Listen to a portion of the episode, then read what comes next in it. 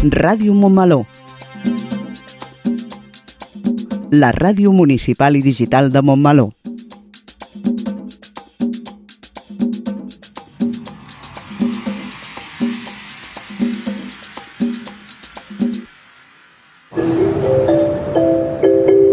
Propera parada, Montmeló.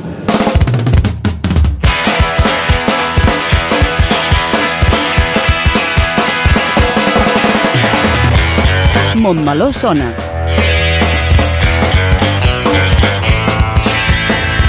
El magazín informatiu de Ràdio Montmeló.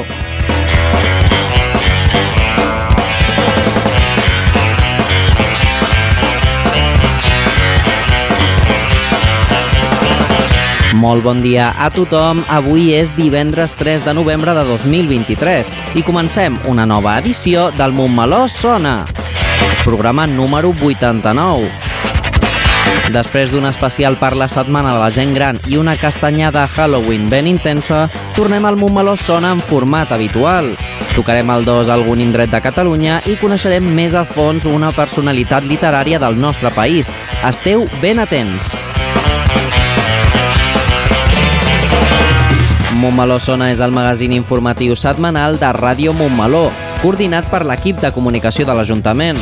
Avui ens acompanya la Maria Costafreda al Toquem el 2 i la Lola Robles al bloc de l'entrevista. I a la locució del programa tenim a l'Olga Coromines i un servidor, el Rubén Cantón. I una vegada fetes les presentacions, passem al sumari de continguts que tenim preparats pel programa d'avui.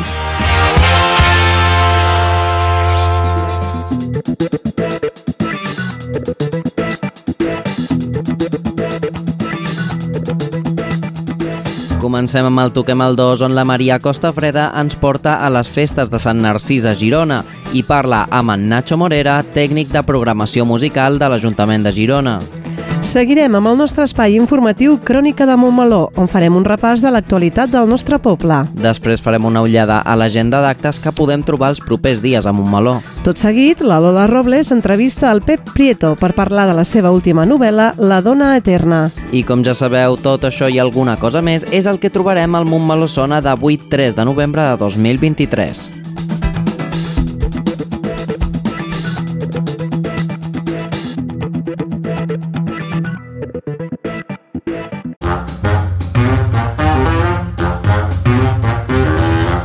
Montmeló sona, el magazín informatiu de Ràdio Montmeló. Montmeló sona i sona així de bé.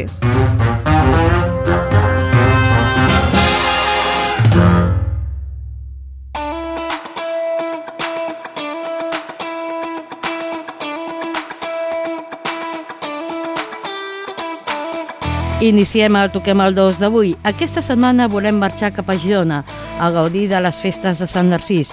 Enguany tenen lloc des del passat 27 d'octubre i la seva cluenda serà aquest diumenge 5 de novembre.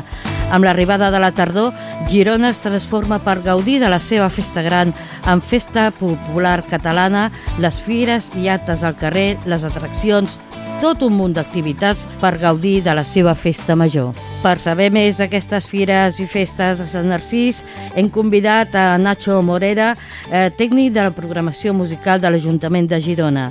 Bon dia, Nacho, i moltes gràcies per atendre la trucada de Ràdio Montmeló. Hola, bon dia, què tal? Bon dia. Quins són els orígens de les festes de Sant Narcís?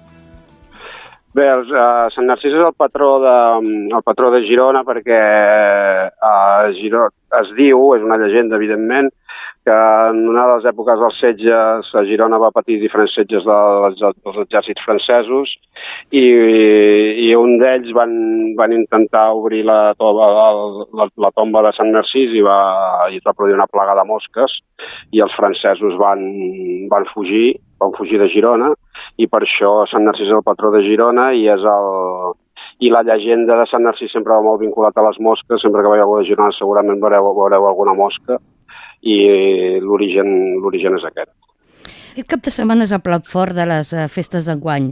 Què ens podem trobar a Girona, a la cluenda de les festes de, de Sant Narcís del 2023? A la programació, avui, avui tindrem a l'escenari a l'escenari de la Copa tindrem l'Alba, i l'Alba, que és una, una nova formació de música urbana que està, que està funcionant molt bé, que segurament serà un dels grups que, que, que funcionaran més en els propers anys, uh, juntament amb Triquell, i, uh, i amb la Fúmiga, que és un, bueno, és un grup valencià que també ja és molt conegut per tothom i que no havia tocat mai a les fires i feia anys que hi anàvem al darrere i, no, i, i al final aquest any ho podrem fer. I al part del migdia tindrem uh, Muchacho i los Sobrinos, que és el grup de, uh, encapçat amb Muchacho, que era un dels músics d'en d'en Paret i la Barcelona Gypsy Klezmer Orchestra, que és un grup de música balcànica que, està, que de fet està fent gires ja per tot el món i, i bueno, creiem que és una, que és una proposta de molta, de molta qualitat poder veure això gratuïtament a Girona. I demà, dia 4, que és el, la, la, la nit final, diguéssim, tenim a la Copa un dels uh, els plats forts de les, de les fires, que és uh, Smoking Souls, uh, Auxili i Zoo. Llavors, Zo, Zo havien d'haver vingut fa, fa uns anys, però ho van anul·lar perquè el cantant va, va tenir Covid i llavors hem, bueno, hem treballat molt perquè aquest any Zo pràcticament no fa, no, no fa concert a festes majors, només estan actuant a festivals, però com que sempre hi ha hagut molta vinculació amb Girona i va passar això, doncs ens hem pogut entendre i al final i al final podrem tocar i bueno, creiem que serà un dels esdeveniments de l'any i la previsió és que hi hagi, que hi hagi molta gent, perquè com et deia, no, la gent no ha tingut l'oportunitat de veure'ls aquest any gratuïta, sinó en festivals de pagament.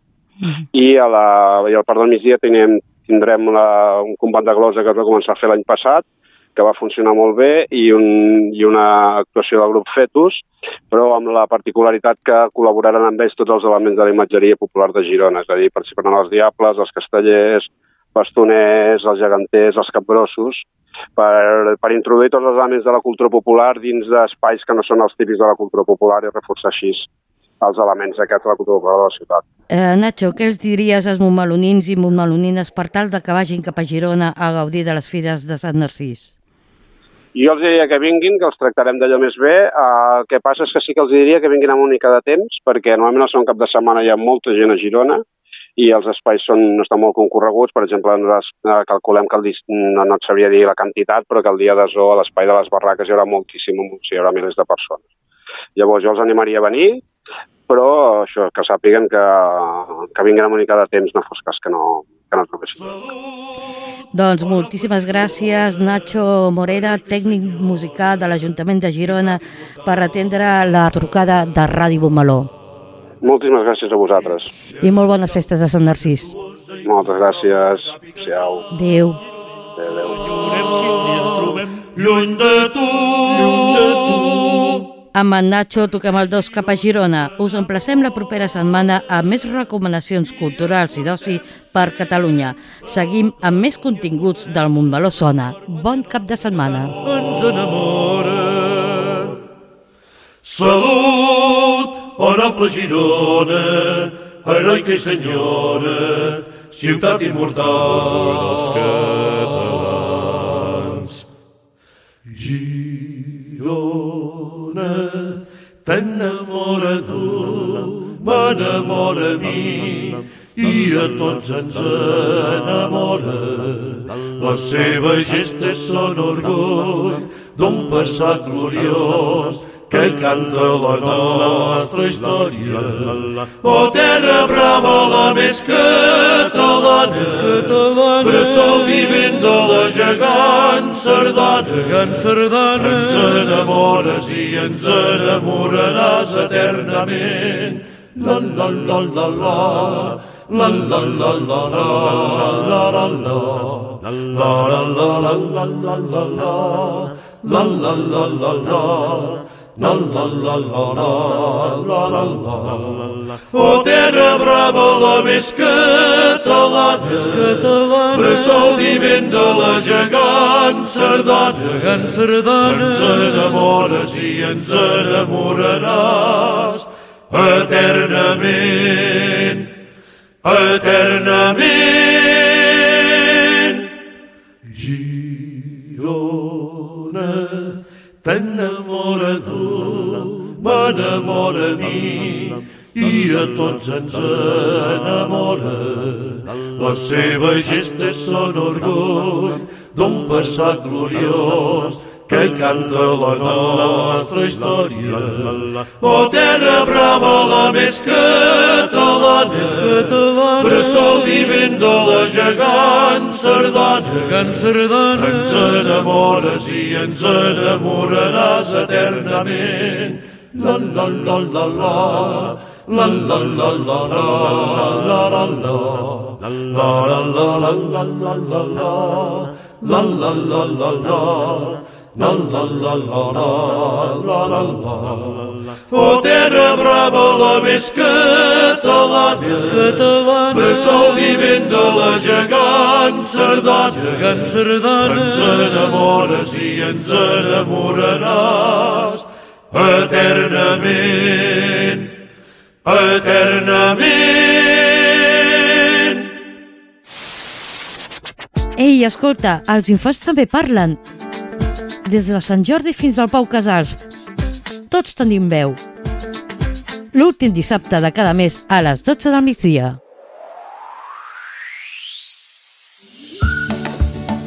Disculpa, Sí? teniu càpsules de cafè?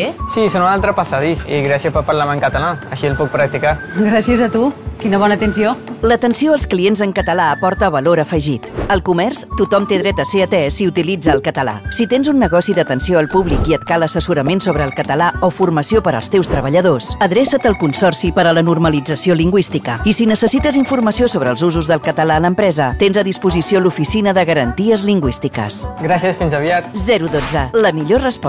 Generalitat de Catalunya.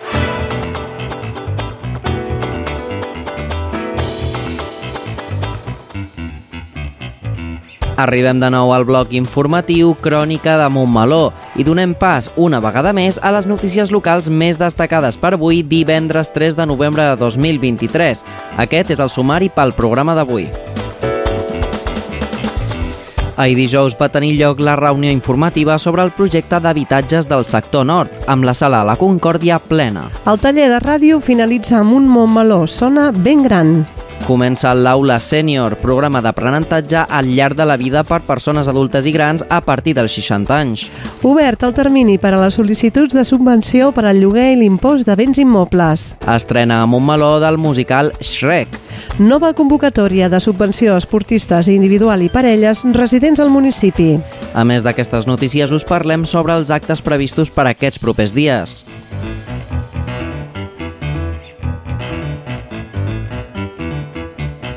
Iniciem el nostre informatiu d'avui fent-nos ressò de la reunió que va tenir lloc ahir a la sala a la Concòrdia sobre el projecte de construcció d'habitatges de lloguer social al sector nord.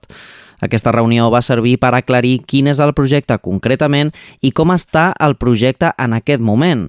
Però qui millor ens pot explicar aquest tema i, sobretot, com va anar la reunió informativa d'ahir és el mateix regidor de Territori, Antoni Gil. Amb ell van parlar una vegada va finalitzar la reunió informativa.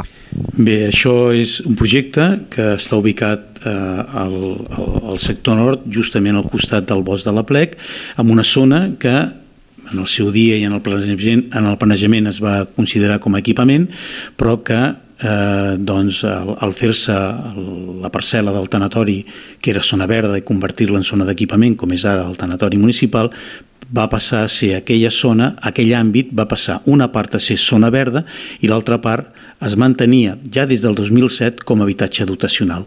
En aquella parcel·la, reitero, a tocar del bosc de la Plec i a tocar el que seria el vial de Ronda i eh, 10 metres per sobre de la tanca actual dels habitatges de, del carrer Ayrton Senna, que donen a, a, la, a la part del bosc de la Plec, en aquell àmbit és on es situa exactament aquesta parcel·la. Una parcel·la, eh, reitero, d'habitatges dotacionals públics que va adreçada entre altres, altres destinataris, podien ser doncs, joves eh, fins a 35 anys, persones amb, amb algun tipus de, eh, de, de discapacitat des del punt de vista de mobilitat, persones eh, majors de 65 anys que amb problemes d'accessibilitat en el seu habitatge actual, o sigui, el perfil de les persones que poden acollir aquest tipus d'habitatges és un perfil que realment eh, és molt, molt ampli, molt extens, però sobretot, sobretot permet el que hem comentat, és l'emancipació de joves que realment doncs, eh, avui no tenen la possibilitat i han de marxar fora. Aquest tipus d'habitatges dotacional de lloguer eh, són preus taxats exactament, que és el que avui m'ha explicat, i que possibilitaran l'accés d'habitatge a gent que avui doncs, no té aquesta capacitat de, de tenir-lo. De forma temporal, eh, perquè no són habitatges per tota la vida, sinó són habitatges que cobreixen una necessitat temporal doncs, aquelles persones que realment ho requereixen i així ho necessiten. El, el que passa és que el projecte Evidentment, avui hem explicat eh, el que va desvetllar un projecte que, reitero, neix el 2007, és la posada en la sol·licitud de l'Ajuntament dels fons Next Generation, la concessió d'una ajuda per part de l'Estat provinent del fons Next Generation que possibilita l'inici del finançament d'aquesta promoció. Sense aquesta ajuda, que va ser comunicada a l'Ajuntament el mes de juliol, per això hem volgut comunicar-ho a la gent el mes de juliol d'aquest any, segurament no seria possible abastar la inversió que realment tenim. Això, juntament amb una fundació que ve de Cohabitat, que és el que seria la, la, la coordinadora de cooperatives d'habitatges aquí a Catalunya, realment que aplega tot un, tot un grup de fundacions, realment ha predestinat alguna, una fundació, en aquest cas la Fundació Sales, com a potencial potencial desenvolupador d'aquest projecte. Evidentment, tot això serà possible, i és el que avui hem dit, i serà possible si realment doncs, són capaços de justificar l'ajuda del Fons Next Generation abans del 31 de desembre d'aquest any, que evidentment l'Ajuntament està treballant per fer-ho, i si la Fundació doncs, és capaç d'aconseguir els recursos financers necessaris per cobrir el cost de lo que seria l'obra, que són prop de 5.800.000 euros. Per tant, si es donen totes aquestes circumstàncies, si es donen tot això tal com hem comentat, doncs realment podrem iniciar aquest projecte en un futur molt proper. Cas de que no, evidentment, tornem a la casella i haurem de continuar lluitant per aconseguir finançament per tal de poder fer aquests edificis. Bé, és evident que amb aquests 43 habitatges no es resol la manca d'habitatges accessibles al municipi i llavors una mica saber eh, des de l'Ajuntament com es pensa treballar en aquest àmbit durant els propers anys. Ja estem treballant i precisament aquesta setmana han començat les obres de 18 pisos també dotacionals de lloguer al carrer Poeta Maragall, eh, entre el que seria eh, l'escola Bressol i la nova residència, en allà s'ubicarà 18 habitatges de protecció, en aquest cas en règim de lloguer, mm, perdó, habitatges dotacionals públics en règim de lloguer, igual que el que hem plantejat avui, però ja es comença la construcció. També estem treballant-hi perquè en l'escorxador, que és propietat eh, juntament l'escorxador com un solar que hi ha al carrer eh, de Lluís Companys titularitat d'Incasol juntament amb l'Ajuntament, Incasol i Ajuntament tenen projectat desenvolupar la Quintana. Ah, perdó, disculpa, l'escorxador els habitatges de l'escorxador. També estem treballant-hi per acabar de rodonir i treballant-hi amb particulars de Montmeló que tenen parcel·les per tal de mirar a veure la possibilitat de desenvolupar aquestes parcel·les també i generar habitatge. També estem treballant-hi en, en el que seria el sector de l'antiga CIESA Màximo Mort per generar en allà també, són habitatges privats els que és un privat qui ha de desenvolupar, però també generació d'habitatge. I així successivament l'Ajuntament està treballant-hi per generar una tipol diferents tipologies d'habitatge que donguin sortida a, a, a, la diferent, a la diferent tipologia de persones que volen accedir a aquest habitatge, des del jove que vol emancipar-se, com els que hem comentat avui, fins a la família que està més estandaritzada o que vol deixar el pis on viu ara per canviar de residència a, una, a un nou pis, de nova construcció, i així successivament per fer evolucionar i fer créixer en mesura, amb, amb, amb, amb, equilibri, que és el que necessita el poble de Montmeló, sempre d'acord amb el planejament que tenim aprovat i seguint exactament i estrictament el que tenim aprovat en el planejament. Planejament que, per altra banda, té una vigència des del 2012 fins a la data d'avui i que, evidentment, n'és l'últim planejament de Montmeló i que si hi ha més planejaments, doncs, tal com hem comentat, eh, la discussió del futur de Montmeló, doncs, evidentment, la participació ciutadana està garantida per tal de poder aportar la seva opinió sobre el futur del nostre poble. Reitero, el 2012 vam dibuixar el futur de, de Montmeló pels propers anys i això és el que estem desenvolupant i més endavant doncs, prepararem el nou Montmeló que ve després del POUM que d'aquí un temps es torni a convocar i on la ciutadania, reitero, tindrà la possibilitat de participar activament, que és el que avui també hem dit. Allò va ser una possibilitat i se'n generaran més possibilitats. Si vau parar atenció en el programa de la setmana passada, vau poder veure que les veus del Momoló Sona no eren les de sempre. Fruit del taller que va fer la nostra col·laboradora, la Lola Robles, dins els actes de la Setmana de la Gent Gran, el treball final va ser la redacció, locució i realització del Montmeló Sona Especial Gent Gran. En dues sessions d'una hora i mitja cadascuna, en Ramon, l'Encarna, la Carme, la Maribel i la Trini van aprendre a elaborar el guió d'un Montmeló Sona, van triar les músiques i van redactar la notícia sobre els actes de la setmana.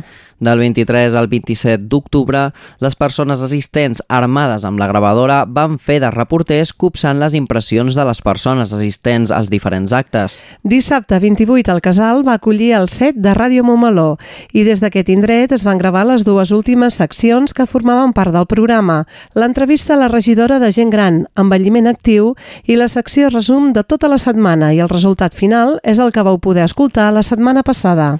Parlem amb alguna de les assistents per saber com va anar el taller i si hem aconseguit introduir el coquet de la ràdio i podem comptar amb noves col·laboradores. Hola, bon dia, Encarna, bon dia, Ramon i bon dia, Maribel. Bon Hola, bon dia, dia. bon dia, Rubén. I bon dia al resto. Igualmente.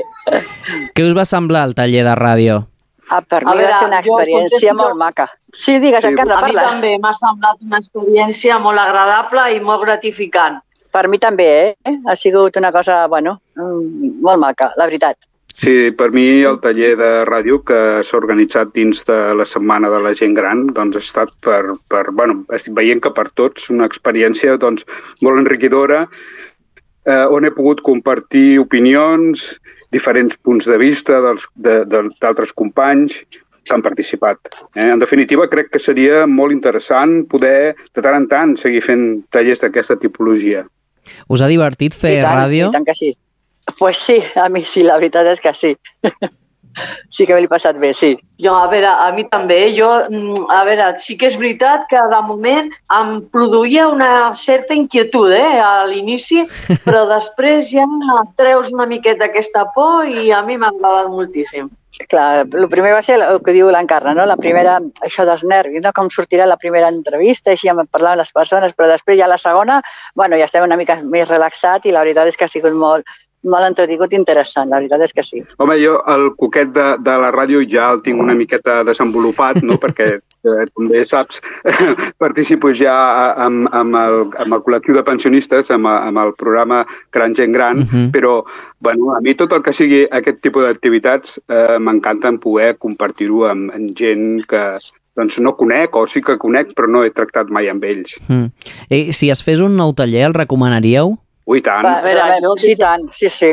Jo també, jo ho recomano, a més, eh, amb, amb, amb entusiasme, eh, perquè és molt interessant.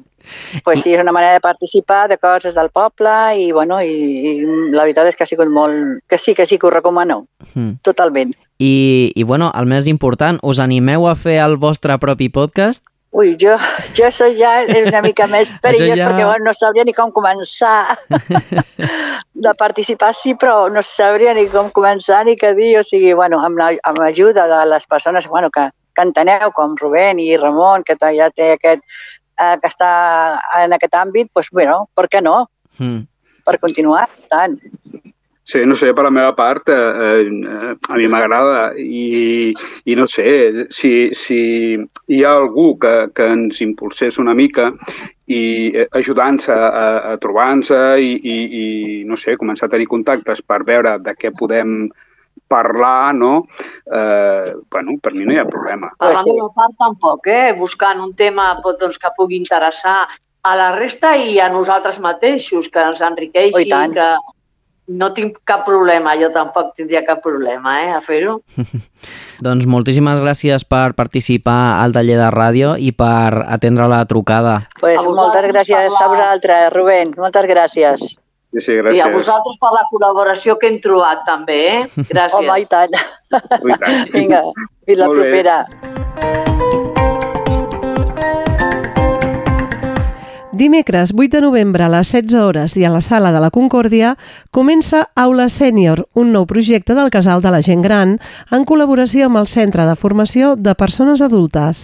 Es tracta d'un programa d'aprenentatge al llarg de la vida per persones a partir dels 60 anys, que realitzen les seves activitats d'ensenyament, aprenentatge per millorar la seva longevitat. La finalitat és crear un espai de formació, participació i trobada de persones a partir dels 60 anys, tinguin o no tinguin titulació o formació acadèmica prèvia. L'any 2002, l'Organització Mundial de la Salut definia el terme envelliment actiu com el procés d'optimització de les oportunitats de salut, participació i seguretat amb la finalitat de millorar la qualitat de vida de les persones a mesura que envelleixen. Més tard es va incorporar l'aprenentatge com a quart pilar d'aquest procés. Actualment vivim en una societat canviant i globalitzada. La informació i la tecnologia avancen a gran velocitat. Aquesta acceleració pot comportar desigualtats en persones grans que presentin més dificultats per adaptar-s'hi. Hem de minimitzar aquestes desigualtats i a la vegada fer que la societat acompanyi de forma positiva aquesta transformació de fer anys i donar vida a aquests anys. L'aula sènior pretén, doncs, facilitar un espai en el què la gent gran pugui desenvolupar les seves capacitats personals, intel·lectuals i socials per potenciar la seva autovaloració, una actitud de preparació constant i una major capacitat per respondre a les situacions de vida. Des de la regidoria de gent gran, amb la col·laboració del Centre de Formació de Persones Adultes, s'ha donat forma a aquest projecte de formació centrada en la persona i capaç de respondre a les necessitats de la persona en la nova societat del segle XXI, amb clara vocació social i humanista al llarg de la vida. Els àmbits de formació de l'aula sènior per al curs 2023-2024 es concreten en actualitat, llengua, literatura, història de l'art i història. Per assistir-hi cal haver-se inscrit prèviament i per fer-ho cal que demaneu informació a la Consergeria del Casal de la Gent Gran. A partir del dia 25 d'octubre s'obre la convocatòria corresponent a les subvencions per al pagament de lloguer i subvencions sobre l'impost de béns immobles al domicili habitual, així com els dels habitatges que es destinin al lloguer social mitjançant l'oficina local d'habitatge de l'Ajuntament de Montmeló. En el cas de les subvencions per al pagament del lloguer, se'n podran beneficiar les persones titulars d'un contracte de lloguer d'un habitatge situat al terme municipal de Montmeló, destinat a domicili habitual i permanent i que acreditin residència legal al municipi durant un mínim de dos anys. En el cas de les subvencions sobre l'IBI, se'n poden beneficiar les unitats familiars, convivencials o individuals, amb uns ingressos baixos o moderats i les persones propietàries dels habitatges que es destinin al lloguer social mitjançant l'Oficina Local d'Habitatge de l'Ajuntament de Montmeló. El termini per a la presentació de sol·licituds és fins al dia 24 de novembre i per fer-ho cal adreçar-se a l'Oficina d'Atenció a la Ciutadania i a l'Oficina Local d'Habitatge. El cap de setmana del 18 i 19 de novembre s'estrena a la Torreta de Montmeló Shrek el Musical, un espectacle a càrrec dels alumnes de teatre musical de Ford Dance Center. La història de l'ogre més famós del cine portada al teatre en un musical ple de cançons, balls i molt d'humor. Després d'un any de preparació, per fi arriba a l'escenari en tres funcions on cada dia els personatges seran interpretats per actors i actrius diferents. Les entrades ja estan a la venda a la web d'entrapolis.com. Per conèixer una mica millor de què es tracta, parlem amb en Gerard Rifà, del Ford Dance Center. Bon dia, Gerard. Bon dia. Abans de parlar-nos d'aquest nou projecte, ens pots explicar què és i qui sou Ford Dance Center? Doncs Ford Dance Center som una escola de dansa i teatre musical que portem a Montmeló 15 anys i dins d'aquests 15 anys eh, tenim una classe molt especial que és de teatre musical on intentem que els alumnes s'apropin el més possible a l'experiència de viure un, una creació d'un musical des de principi a fi. Hmm. I qu quanta gent participa en aquest musical? En aquest musical d'aquest any tindrem 14 actors a sobre l'escenari eh, cantant, ballant i interpretant. Eh, participa gent de totes les edats? Què, què representa assajar amb, amb tanta gent i tan diversa? Doncs mira, totes les edats sí, perquè tenim la més jove eh, té 14 anys i la més gran eh, ronda dels 50, és a dir, abarquem totes les edats. Està molt bé perquè veu gent que segurament fora de, de l'escola no es relacionaria, perquè tenen vides completament diferents, però que comparteixen una mateixa passió i un mateix objectiu, i això eh, fa molt fàcil treballar amb ells. Uh -huh. I bé, eh, tothom crec que coneixem més rec, però ens pots explicar una mica de què anirà aquest espectacle? Doncs, eh, bàsicament, eh, és agafar la pel·lícula de Shrek que tots coneixem i, i portar-la al teatre en un format musical. Eh, eh, es basa en la primera pel·lícula de Shrek, en la primera vegada que tothom coneix Shrek, on rescata Fiona, on coneix el seu inseparable amic Asa, i eh, tot això barrejat amb, amb moltes cançons, moltes coreografies i sobretot molt d'humor. I per acabar, ens pots recordar els dies i horaris i què hem de fer per tenir entrada? Sí, és molt fàcil. Mira, el, estrenem el dissabte i diumenge 18 i 19 de novembre amb tres funcions. El dissabte la funció és a les 6 de la tarda i el diumenge és doble funció, una a les 12 del migdia i l'altra a les 6 de la tarda. I qui vulgui venir, les entrades ja estan a la venda a entrapolis.com, simplement entrant, buscant al buscador la paraula Esrec o Montmeló, qualsevol de les dues serveix, eh, us apareixerà directament a l'enllaç i podreu comprar les vostres entrades. Doncs moltes gràcies, Gerard Rifà, per atendre la trucada de Ràdio Montmeló i molt bona feina. Gràcies. Del 6 al 24 de novembre es poden presentar les sol·licituds a l'Oficina d'Atenció a la Ciutadania per la convocatòria de subvenció a esportistes individual i parelles residents al municipi. Podran sol·licitar la subvenció les persones físiques residents a Montmeló, practicants de disciplines esportives en categoria individual, que participin en esdeveniments oficials i que no tinguin un contracte professional per fer-ho.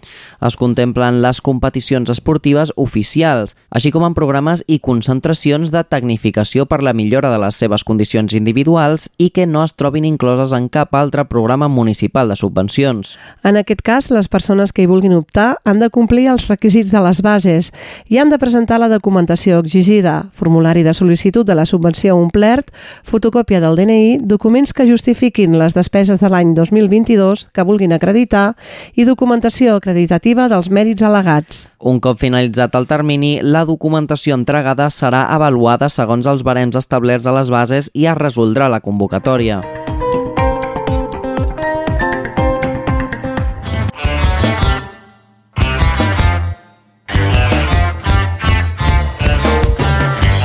Iniciem el bloc de l'agenda d'activitats culturals previstes des d'avui divendres dia 3 fins al diumenge 12 de novembre. I comencem la nostra agenda amb una nova sessió de Cine Chic per als infants. Es tracta de la pel·lícula Solan i Eril, Missió a la Lluna, on els dos protagonistes decideixen construir la seva pròpia nau per arribar a la Lluna, 50 anys després de l'arribada de l'home per primera vegada.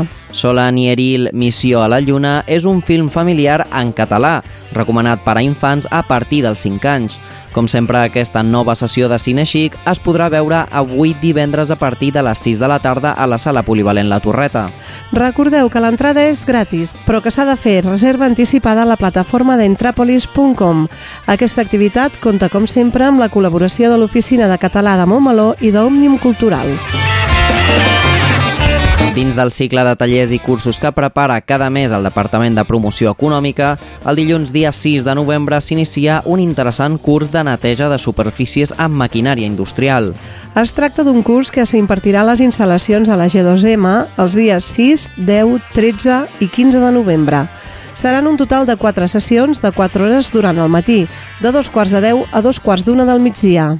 En ell s'ensenyaran les diferents tècniques de neteja professional i tractament de superfícies amb màquines rotatives.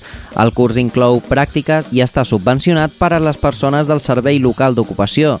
Si esteu interessats en assistir-hi, heu d'enviar un e-mail a promoec.montmeló.cat o trucar a l'extensió 142 del telèfon de l'Ajuntament al 93 572 0000. I continuem amb els cursos perquè dimarts comença un monogràfic d'iniciació a la costura de quatre sessions durant tot el mes al Centre Cultural La Torreta. De 6 a 8 de la tarda, els dimarts 7, 14, 21 i 28 de novembre, les persones interessades en aprendre a cosir de manera fàcil i divertida podran fer-ho a La Torreta. Cosir a mà, posar botons, cremalleres, fer butxaques i moltes coses més. El preu d'aquest curs és de 20 euros les quatre sessions i us podeu inscriure a través del mail latorreta arroba montmeló.cat o bé trucant al 93 572 1033. Tornem a les activitats d'un dia i ens anem al dijous dia 9, quan tindrà lloc una xerrada que organitza el col·lectiu de pensionistes de Montmeló a les 7 de la tarda a la Sala de la Concòrdia. La xerrada col·loqui porta per nom Viure amb sentit, dignitat i suport al final de la vida. Es tracta d'una interessant ponència sobre el document de voluntats anticipades. Hi participaran la doctora Pilar Luncan, la treballadora social del CAP de Montmeló, Núria del Valle, i el notari de Montmeló, Hans Alexander Brochcake. I arribem al proper divendres dia 10 de novembre que se'ns presenta amb dues activitats de caire literari. La primera d'elles serà la presentació de dos llibres infantils que tenen com a títol Mi gato de ojos verdes i quatre històries i un poema. La presentació correrà a càrrec de la mateixa autora, Mildred Dudinot, i estarà a la Biblioteca Municipal La Grua a partir de les 6 de la tarda. Mildred Dudinot és cubana-americana i nascuda a l'Havana al 1977. Ha viscut a Itàlia i als Estats Units i es considera una apassionada de totes les arts. A més d'aquests dos llibres, és autora d'un poemari que es diu Silla. I una hora més tard, a les 7 del vespre, tindrà lloc a la Sala de la Concòrdia la presentació del butlletí número 13 del Centre d'Estudis de Montmeló. La presentació correrà a càrrec de Josep Humbert i dels diferents autors i autores del nou butlletí sobre la història i el patrimoni de Montmeló. Les persones interessades en saber de què parla el nou butlletí del CEM podran adquirir-lo in situ i també tindran a la venda altres publicacions del Centre d'Estudis. I arribem al diumenge 12 que, com ja hem vingut anunciant des de fa una setmana, tindrà lloc la mega coneguda Ruta de les Fonts, una caminada popular amb diferents recorreguts. La Ruta de les Fonts és una caminada totalment amateur amb un recorregut circular, amb sortida i arribada als jardins de la Torreta i transita per camins forestals i algun caminet amagat de la serralada litoral. Enguany serà la segona vegada que hi haurà una nova ruta més curta per a les famílies amb infants petits o bé per a caminants que no estan habituats a marxes llargues. Es tracta de la Ruta Mini, que té poc més de 7 quilòmetres i un desnivell acumulat de 263 metres. Aquest nou traçat s'ha d'afegir la ruta curta de 14 quilòmetres, la llarga de 18 i la XXL de 23 quilòmetres aproximadament. Les dues primeres rutes estan adreçades a senderistes i persones amb un hàbit de caminar, i la ruta XXL és més indicada per a runners o persones que els agrada córrer per senders de muntanya. Si us animeu, encara us podeu inscriure a través d'un formulari al web municipal montmeló.cat o bé de manera presencial al pavelló municipal en horari d'atenció al públic. Si encara hi ha places lliures el mateix dia de la caminada, també es podran inscriure fins 30 minuts abans de la sortida, que serà a les 9 hores, des dels jardins de la Torreta. I aquesta és tota la informació municipal que teníem per explicar-vos avui. Prepareu-vos perquè el mes de novembre arriba molt carregat d'activitats, especialment pels dos últims caps de setmana del mes, que seran un preludi de les activitats de Nadal del mes de desembre. De moment ho deixem aquí i us continuarem informant en el proper Montmeló Sona. I ja sabeu, tot això i algunes coses més les podreu veure, sentir i llegir a les xarxes municipals, al web montmeló.cat o a l'agenda mensual.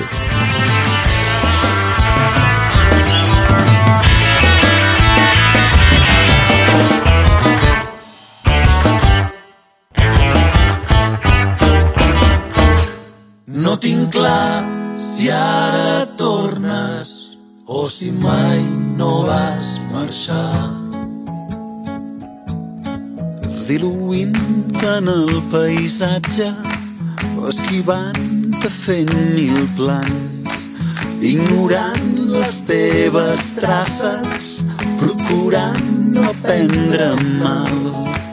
Ho tenia tan i tan a prop, ho tenia tan i tan a prop. Conquerir de nou al nord, convertir-te en un record, ho tenia tan i tan a prop. No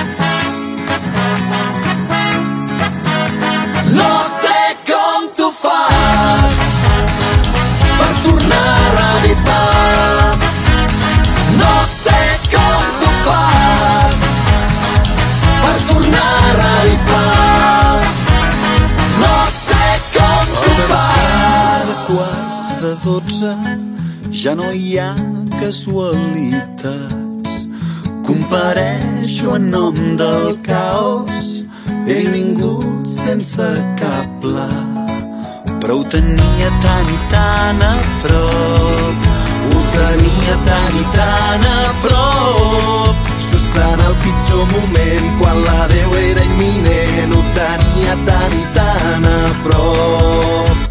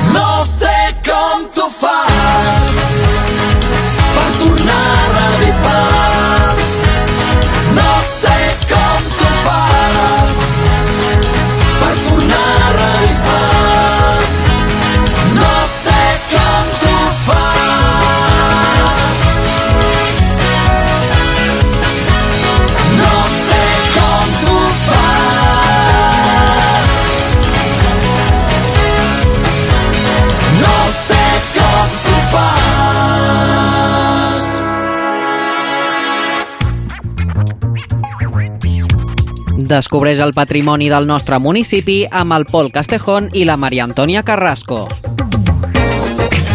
Patrimon. El primer dilluns de cada mes a les 12 del migdia.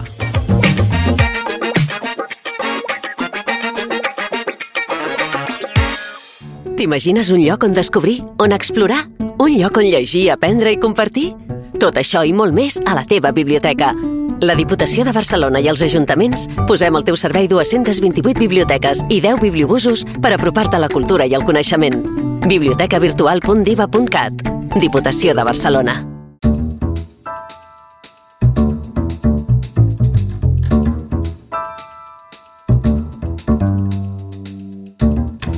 Avui, a l'apartat de l'entrevista, contem amb Pep Prieto, periodista, escriptor i crític de cinema i televisió, amb motiu de la seva xerrada amb el Club de Lectura de la Biblioteca Municipal el passat divendres.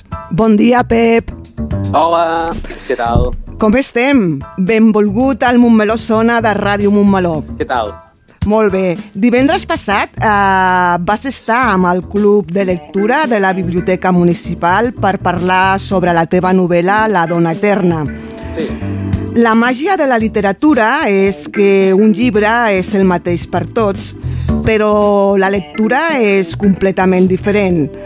Quan tu vas als clubs de lectura, et trobes amb interpretacions diferents de la teva obra, de com tu l'has pensada inicialment, on el lector omple la novel·la amb els seus propis desitjos, les seves projeccions? Sí, eh, de fet, eh, és bo i aconsellable que això passi. Uh, malament aniríem si els que escrivim ens trobéssim que només la nostra versió dels fets és la que, la que acaba quedant, no? És a dir, jo crec que la literatura, com, com, com el gruix de l'art, és, és lliure i llavors uh, cada, depèn molt de la mirada individual i depèn molt de, de les vivències, depèn molt de la manera que té de mirar la vida el lector barra espectador, diguéssim, no? Llavors, sí, sí, sempre m'hi trobo. Sempre que vaig a un club de lectura em trobo que hi ha qui ho ha viscut o ha percebut d'una manera més, més pròpia, més personal, hi ha qui, qui no, qui fa una visió més general i segurament s'acosta més a interpretar el que tu has volgut explicar amb el llibre, però a mi personalment m'agrada molt quan em trobo interpretacions que fins i tot s'escapen del meu control. De fet, un cop el llibre està escrit i surt allà fora, eh, depèn del, del lector i de la lectora, eh, omplir aquells forats que, que tu deixes, no? Vull dir, jo crec que l'escriptor mai ha de pretendre que el seu sigui un, un relat tancat, ha de tenir el punt just, el marge suficient com perquè la, les persones que el llegeixen eh, puguin dir-hi la seva. Llavors, el, el cas de la dona eterna, que a més és una novel·la que, que té molts graus d'interpretació, perquè així està pensada, eh, m'encanta veure doncs, que tothom doncs, hi veu la seva pròpia experiència i veu la seva pròpia visió del món. I és, i és apassionant fer aquest contacte. Per això vaig, vaig a tants clubs de lectura com puc, perquè em sembla que és eh, entrar en contacte amb un, amb un lector que ja ha llegit el llibre i que, per tant, això fa el debat molt més viu. Tenies la història clara o la vas anar creant a mesura que et posaves a escriure?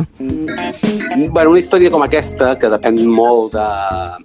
És una, és una història que barreja elements sobrenaturals, que barreja girs narratius, intriga, eh, molta reflexió sobre el paper de les dones al llarg de la història. Eh, no, no la podia fer a raig, és a dir, vaig haver de fer una estructura molt, molt pensada perquè funcionés tot bé, perquè és com un mecanisme, no? La, la novel·la és com un, com un rellotge i la vaig pensar molt, sí. Va, vaig estar, de fet, vaig trigar molt a tenir preparada l'estructura del llibre, fins i tot abans d'escriure, perquè requeria doncs, de, de decidir abans on anava cada cosa i què li passava a cada personatge. Llavors, sí, vaig treballar molt profusament l'estructura, com, de fet, et diré que és la, la, la novel·la en què més he treballat prèviament abans de començar a escriure. Per aquest espai han passat diversos escriptors i alguns d'ells diuen que ells escriuen el llibre que els agradaria llegir. A tu mm et passa el mateix, Pep? Sí, sí, de fet, quan em pregunten per què, malgrat tots aquests anys, o sigui, normalment eh, sempre he basculat entre el thriller i la, i la novel·la més fantàstica. Eh, és perquè són els meus gèneres preferits. És a dir, intentes escriure coses que tu t'agradaria llegir o fins i tot donar la teva visió d'un tip d'un gènere que, que, que i tu modestament intentes aportar idees noves o idees més personals, no? Però sí, sí, jo totes les novel·les que he escrit són novel·les que m'hagués agradat llegir en algun moment de la meva vida, no? I per això és fantàstic, tornant a la pregunta inicial que em feies, és a dir, és fantàstic quan trobes algú que l'ha viscut amb la mateixa intensitat, no? Això és el que valida la teva feina.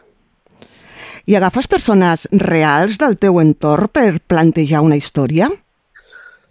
Agafo vivències, sí, i persones també, però de les persones més que um, retratar-les amb fidelitat, perquè m'agrada molt inventar, uh, sí que a vegades uh, ho faig a dos nivells. A vegades absorbeixo personalitats d'algú que té detalls no? que, em, que em semblen singulars o em semblen apassionants i, per altra banda, sempre sóc bastant partidari de compartir amb persones de molta confiança allò que he escrit, perquè això em va bé per acabar de, de nodrir els personatges de versemblança i també em permet veure si la història funciona no? És a dir, si, si, si realment no hi ha res a la història que, que, que, que punxi. Però la veritat és que absorbeixo molt el meu entorn. Sempre he cregut que un escriptor és, és un, en essència un observador de la realitat, encara que sigui per després donar una visió d'aquesta realitat absolutament sobrenatural i fantàstica, no? Però és, és evident que has de poder parar molta atenció a tot el que t'envolta per dotar la novel·la de versemblança, de, de densitat i de, i de rigor dramàtic. Entrem en La dona eterna, que és la novel·la que vas comentar el passat divendres i que és la història d'una periodista amb una crisi vital que descobreix que una actriu catalana que va ser molt famosa als anys 50 i 60 i que tothom donava per morta és viva i li surt l'oportunitat d'entrevistar-la. Aquest context eh, t'ha servit per fer una reflexió, una crítica d'altres temes. El llibre critica implícitament algunes de les càrregues estúpides que la nostra societat imposa o reclama a les dones, com per exemple la maledicció que és l'envelliment, el pas del temps. Uh -huh. Sí, m'interessava molt aquest aspecte perquè és un tema que ara que el, el, la mirada femenina, el, femen, el feminisme, el rol de la dona a la societat és un tema molt viu, ha fet surar molts debats ajornats sobre el, paper de la dona a les nostres vides, no? I durant molt temps la dona ha estat eh, molt castigada per una societat que era estrictament masculina i que li imposava maneres de funcionar en funció del pas del temps. Sempre m'ha fascinat veure, fascinat en negatiu, evidentment, que, que a les dones se'ls ha atribuït una funció eh, en relació al seu temps. És a dir, eh, abans dels 30 ennoviades o casades, la maternitat controlada amb el pas del temps, sí, aquest desafiament permanent a la biologia no? que, que han de tenir com si com si el seu cos fos, fos un, un mecanisme perfectament estructurat i que l'home pogués decidir com funciona. No? Llavors, a mi sempre m'ha indignat molt això. I això, en el meu món, en el meu sector professional, que és el del cinema, eh, es, es visibilitza amb, amb, amb especial força, perquè són molt esclaves de la seva imatge, les actrius. Són molt esclaves fins al punt de que en un moment de les seves carreres passen de ser la protagonista o la parella d'algú a ser la mare d'aquest mateix algú. és a dir, no hi ha solució de continuïtat. No? Llavors, és un tema que sempre m'ha interessat. De fet, el personatge que, que tu descrivies del llibre està parcialment, és, és com una versió de mi, no? Perquè jo sempre, com a, com a estudiós de la cosa, sempre m'ha obsessionat veure que les dones a partir dels 40 en pantalla o desapareixien o adoptaven rols completament diferents abans dels 40. I qui diu els 40 diu els 35, eh? que a vegades ja passa els 35. Llavors, això era una mica el que pretenia denunciar no? a través d'aquest personatge. Aquesta idea de que socialment, quan una actriu eh, envelleix, quan el temps, diguéssim, es manifesta el seu rostre, ja deixa de ser funcional per interpretar, per interpretar determinats personatges. Llavors, això era un motor del llibre que ja ho vaig barrejar amb altres elements més propis del, del thriller o de, o de la ciència-ficció, però en realitat eh, el llibre és, de principi a final és una denúncia d'aquests rols que deies. No? És, és unes càrregues que se'ls dona i que durant molts i molts i molts anys s'ha sobreentès que havia de ser així. Ara, finalment, hi ha un debat públic, però tot i així tenim moltíssima feina a fer abans això no canvi del tot. No? Sí, això també ho podem veure en el paper de l'Agnès, no? que als seus 40 anys no, no és mare, no? i un home als 40 anys que no té fills és que vol viure la vida, però en canvi si eh, una dona als 40 anys no té fills és que alguna cosa passa. Sí, eh, de fet l'Agnès em servia molt perquè eh, és periodista, com bé dius, i és, és una persona que es dedica a fer assajos sobre cinema, però és que realment passa, clar, utilitzo les actrius perquè s'exposen exposen més la seva imatge que una persona, diguéssim, una persona al carrer, no? Però és veritat que passa a tots els estadis, i la maternitat jo crec que és el més cru d'aquests exemples, no? Aquesta frase tan, tan odiosa que és ja passar l'arròs, no? Que és, com, que és una cosa que sempre he trobat, he trobat molt agressiva i que és veritat que amb els homes no s'aplica. Això és així. Vull dir, sempre poso el mateix exemple que vaig un cop de lectura. Quan tu veus una pel·lícula amb el Brad Pitt, que té 60 anys, enrotllant-se amb algú de 30, en cap cas la pel·lícula s'entreté a parlar d'aquest detall, no? Simplement passa. Quan és a l'inversa, la pel·lícula va sobre aquest tema, no? Fa molt d'èmfasi en el fet que una dona gran s'enrotlla amb un tio més jove. Llavors, jo sempre ho he trobat això una disfunció social que tenim, no? Uh, una dona té el mateix dret que un home a envellir com li doni la gana, a ser mare quan li doni la gana, a, a enrotllar-se amb qui dona, li dona la gana. I encara ara, socialment, cometem els mateixos errors, perquè encara ens sorprèn quan això passa. No? Llavors, uh, l'Agnès és una mica la metàfora d'això, no? algú que, que viu com assumint la càrrega de que socialment està mal vist que no tingui fills, que no tingui parella als 40, però de mica en mica, a mesura va indagant en la figura d'aquesta actriu, l'Aurora Ferrer es va adonant de que hi ha una altra vida possible, una vida en la que ningú li digui com ha de ser o com, com ha de viure. No? I a tu et preocupa molt el pas del temps? I ets dels que mires molt dins teu? A mi el pas del temps em preocupa, però no, a mi no em preocupa envellir, a mi em preocupa morir. Mm. és a dir, sempre el tema de la mort m'ha obsessionat molt, també perquè quan, quan has tingut unes quantes pèrdues de la teva vida reflexiones molt sobre el que hi ha d'efímer. Sempre he dit, quan me pregunta el meu entorn que per què tinc aquesta fixació, responc el mateix. És que a mi si m'arriben a donar les regles del joc al moment de néixer, potser hagués acceptat no néixer. Però, clar, et trobes vivint i que saps que hi ha una frontera inalterable que ens uneix a tots, que, que, que, que el temps s'esgota, el temps se'n va, no? A vegades amb la injustícia aquesta de que hi ha gent que desapareix molt abans d'hora, no? Sí. Abans del cicle vital que ens tocaria. Mm -hmm. Llavors, sí, sí que sóc molt de reflexionari, a més a més amb la maduresa et tornes i quan tens fills, quan, quan estàs ben parella, quan és, és quan de cop i volta apareixen tots aquests, tots aquests dubtes, aquestes inquietuds, i jo crec que les meves novel·les es nota, perquè han acabat parlant molt més del que mai m'havia pensat que em parlaria. Sí, un altre uh, tema que abordes a la dona eterna és el de les emocions femenines i la relació entre mares i filles. Uh -huh. T'interessen molt a tu les relacions familiars? Molt, perquè vinc d'una família molt particular, molt desestructurada, que hem hagut una mica d'aprendre a conviure, malgrat que som molt diferents entre nosaltres. Jo que sempre he cregut que les relacions familiars, que també és un altre tòpic social, no? perquè hi ha un fenomen familiar que se'ns ha venut, no? una estructura familiar que se'ns ha venut, que és eh, en, en essència col·laborativa, feliç, plena. No? Quan vens d'una família així, tan trencada, amb tants secrets, amb tants problemes, amb tanta bretxa entre els adults i els infants, és quan prens consciència que aquesta institució, en el fons, és un invent que ens hem creat per protegir-nos exactament de no sé què, no? Llavors, eh, i, i reflexiono molt perquè, a més a més, jo vaig tenir una relació complicada amb els meus pares, Uh, ara tinc un fill adolescent que he tingut una relació fantàstica amb ell, però que realment però que també genera uns conflictes nous. Llavors, aquesta diferència entre la meva infantesa i jo, la que jo he volgut donar al meu fill, evidentment et fa reflexionar molt no? sobre, sobre com funcionem en família i per això és un tema tan recurrent als meus llibres. La dona eterna, eh, en el cas concret de la dona eterna, és el primer cop que exploro de manera tan frontal la relació entre mares i filles, que és un tema que tenia com pendent i que sempre m'ha apassionat perquè el meu voltant tinc unes, uns quants exemples de relacions entre mares i filles que són molt particulars no? i vaig voler parlar-ne per això. Eh, mai coneixem del tot a les persones amb les quals ens hem criat. Sempre hi ha secretes, secrets amagats a totes les famílies. Sí, de fet era el tema que, que acabes de dir, el tema predominant del meu anterior llibre, del mal pare. Sempre he cregut que no hi ha res que faci més por que descobrir coses que no sabies de les persones que conviuen amb tu. Perquè sempre parlem dels monstres exteriors, però hi ha un tipus de monstre, hi ha un tipus de por, un tipus d'inquietud, un tipus de misteri que té a veure amb els racons de casa teva, no? Que és, eh, no sé, a mi, per exemple, a vegades poden ser coses molt, molt simples, no? O trobar una foto, imaginem, no? de la teva mare en un context que mai t'hauries pensat veure-la, no? Això, evidentment, t'obre un mar de dubtes, perquè no, te n'adones que potser coneixes menys aquella persona del que mai ho hauries conegut. Això és el que li passa a l'Agnès, no? Troba unes fotos de la seva mare amb una, irradiant una felicitat que mai li va veure el rostre en la seva relació amb ella. I això la porta a preguntar-se si en realitat el problema va ser que no va conèixer mai del tot la seva mare, no? mentre estava viva. Llavors, això és un tema que m'interessa molt perquè crec que és molt recurrent en totes les famílies. Passa amb pares, amb avis, amb, amb germans. Llavors, als meus llibres sempre intento que les relacions familiars entre els personatges eh, hi hagi aquest punt d'exploració de la quotidianitat, perquè al final és l'exploració d'un mateix. O sigui, descobrir com són aquesta gent et diu moltes coses d'un mateix. També surt la precarietat del món periodístic, perquè eh, la gent té com una visió molt èpica no? d'aquest món, que no és tan real.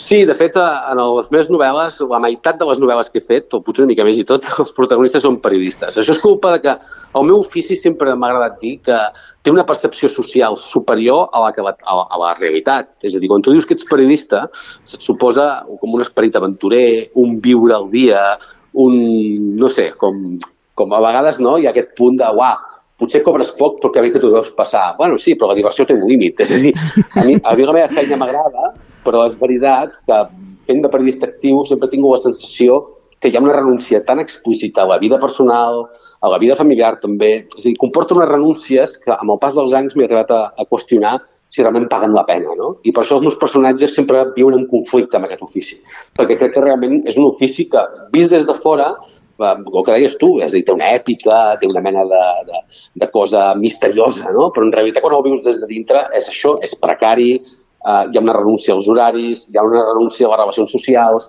i jo crec que amb el pas dels anys eh, el periodista pren consciència de que hi ha un punt de perdre una mica de vida no? quan, quan s'hi dedica. Llavors, per això sempre ho introdueixo com a element de reflexió en els meus llibres. A l'hora d'escriure, quan et planteges el punt de partida d'un llibre, parteixes més d'un concepte, d'una idea o d'una imatge visual o, o, de tot una mica?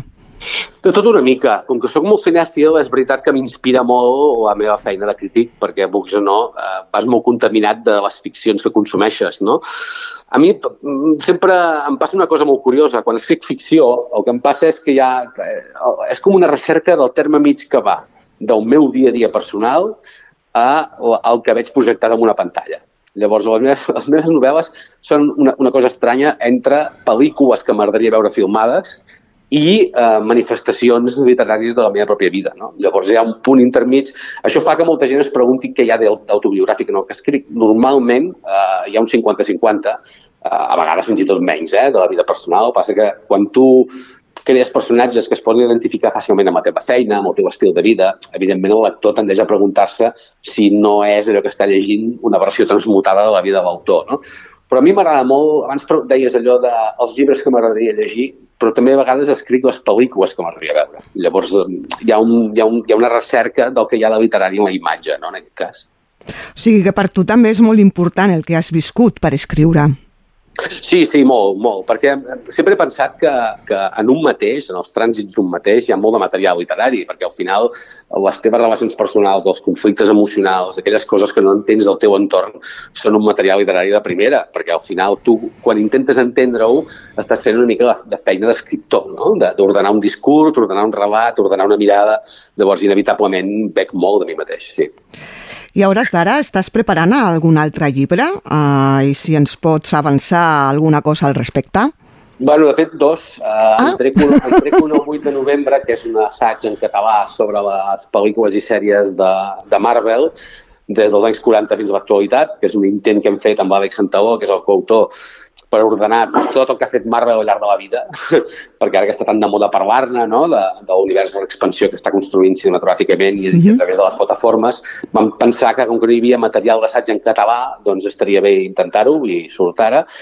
I l'any que ve, suposo que a finals, publicaré una novel·la que justament el que intenta és explorar potser una, una part més íntima de mi, no? la part més de l'infantesa, i ara estic treballant-hi, tot just estic començant, eh? vull dir, encara no, no he avançat gaire, però vaja, uh, però és el meu projecte més immediat, això sí. Doncs voldria acabar aquesta conversa amb tu amb una frase que és una constant en la dona eterna. No és la caiguda el que et mata, és la durada del viatge. Sí, sí, aquesta, aquesta frase és, és una frase feta una mica manipulada, perquè existeix aquesta frase, perquè jo l'he manipulat a conveniència, que era la meva manera d'introduir, de sintetitzar un dels discursos del llibre en boca dels personatges. De fet, tots els personatges del llibre principals l'acaben dient en algun moment. Estava fet amb tota la intenció. Doncs moltes gràcies, Pep, per haver compartit aquesta estona amb nosaltres, desitjar-te molta sort en el teu viatge per la vida. Moltes gràcies, igualment. Un plaer. Strange what desire will make foolish people do. I never dreamed that I'd meet somebody like you. I never dreamed I knew somebody like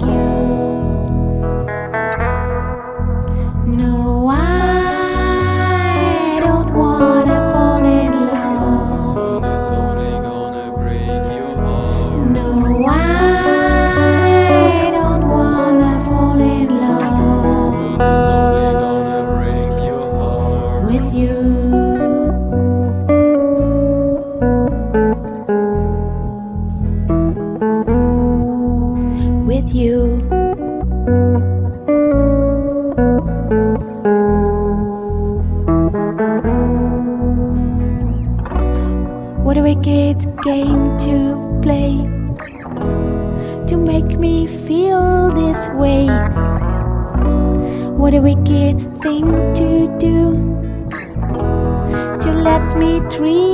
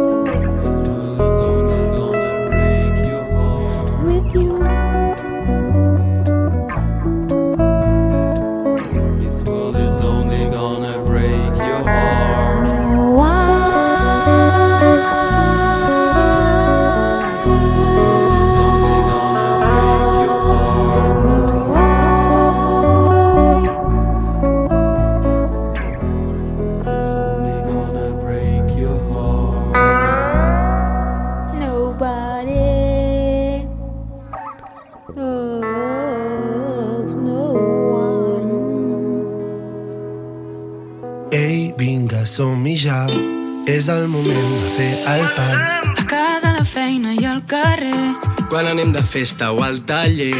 Parla'm amb el teu accent. Només hem de començar. Va, provem-ho en català. Tu per mi i jo per tu. I quan vulguis tots plegats. Molt per parlar, molt per Provem-ho en català. Molt per parlar, molt per viure. Generalitat de Catalunya. Sempre endavant. Fora de joc. Vols estar al dia a l'esport amb un meló? Aquest és el teu programa. Presentat per Sílvia Matamoros. Cada dijous a les 9 del vespre a Ràdio Montmeló.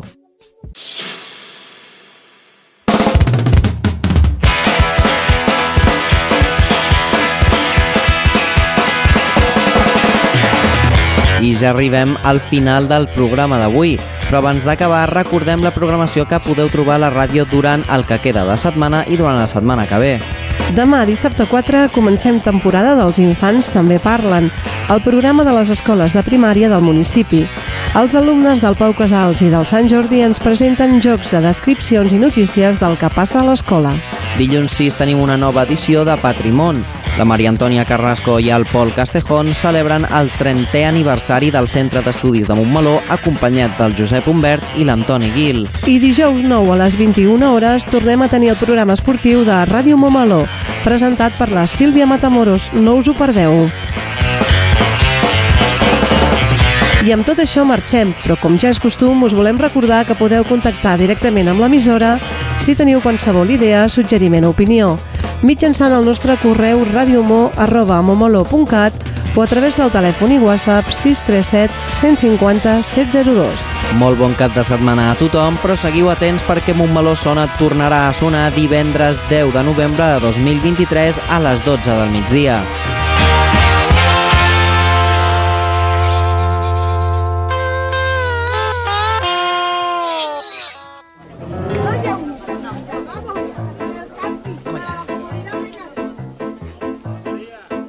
Problema. Hoy los traigo de todos los colores, de todos los tamaños y sabores. Acepto en efectivo y con En un momento tarjeta. dado, hasta Bizum. Problema. Los puedes compartir con un amigo Te los envuelvo.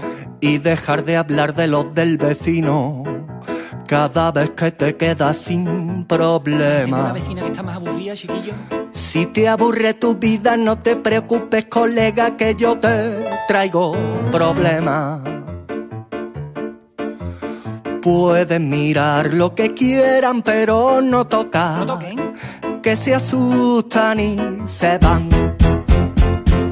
Me has dejado mi novio, ataques de ansiedad. La crisis de los 30 no me motiva nada. Se ha acabado el bajón existencial. La regla no me viene, el wifi no me va.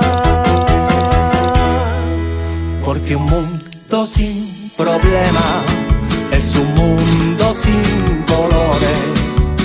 Todos los días serían lo mismo de que iban a hablar las canciones. Cuando los problemas llegan, mejor canten y no lloren.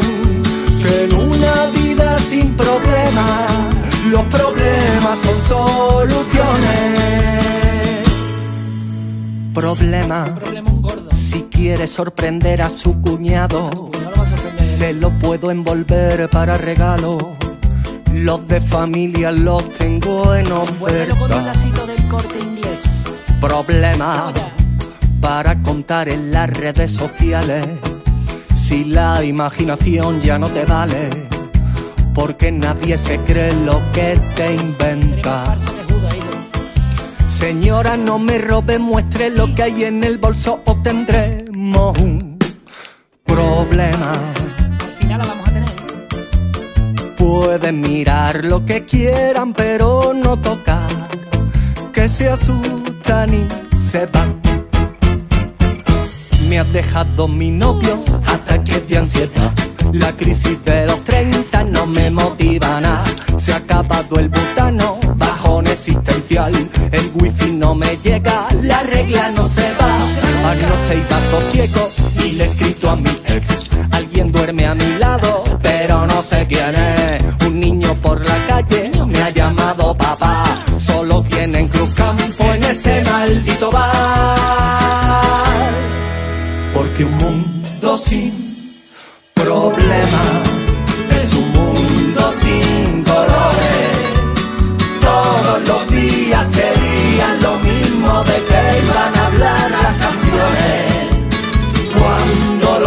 problemas llegan, mejor canten y no lloren.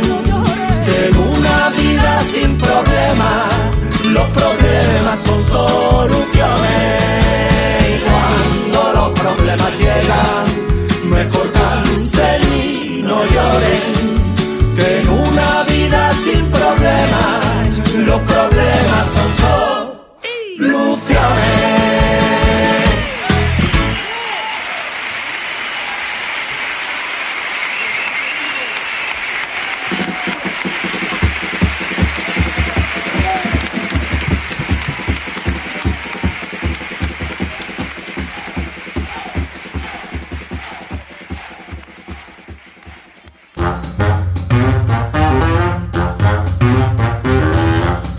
Montmeló sona, el magazín informatiu de Ràdio Montmeló.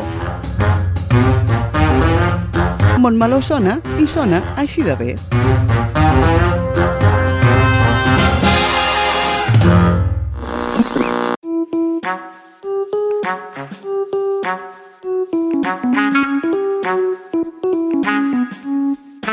Ràdio Montmeló.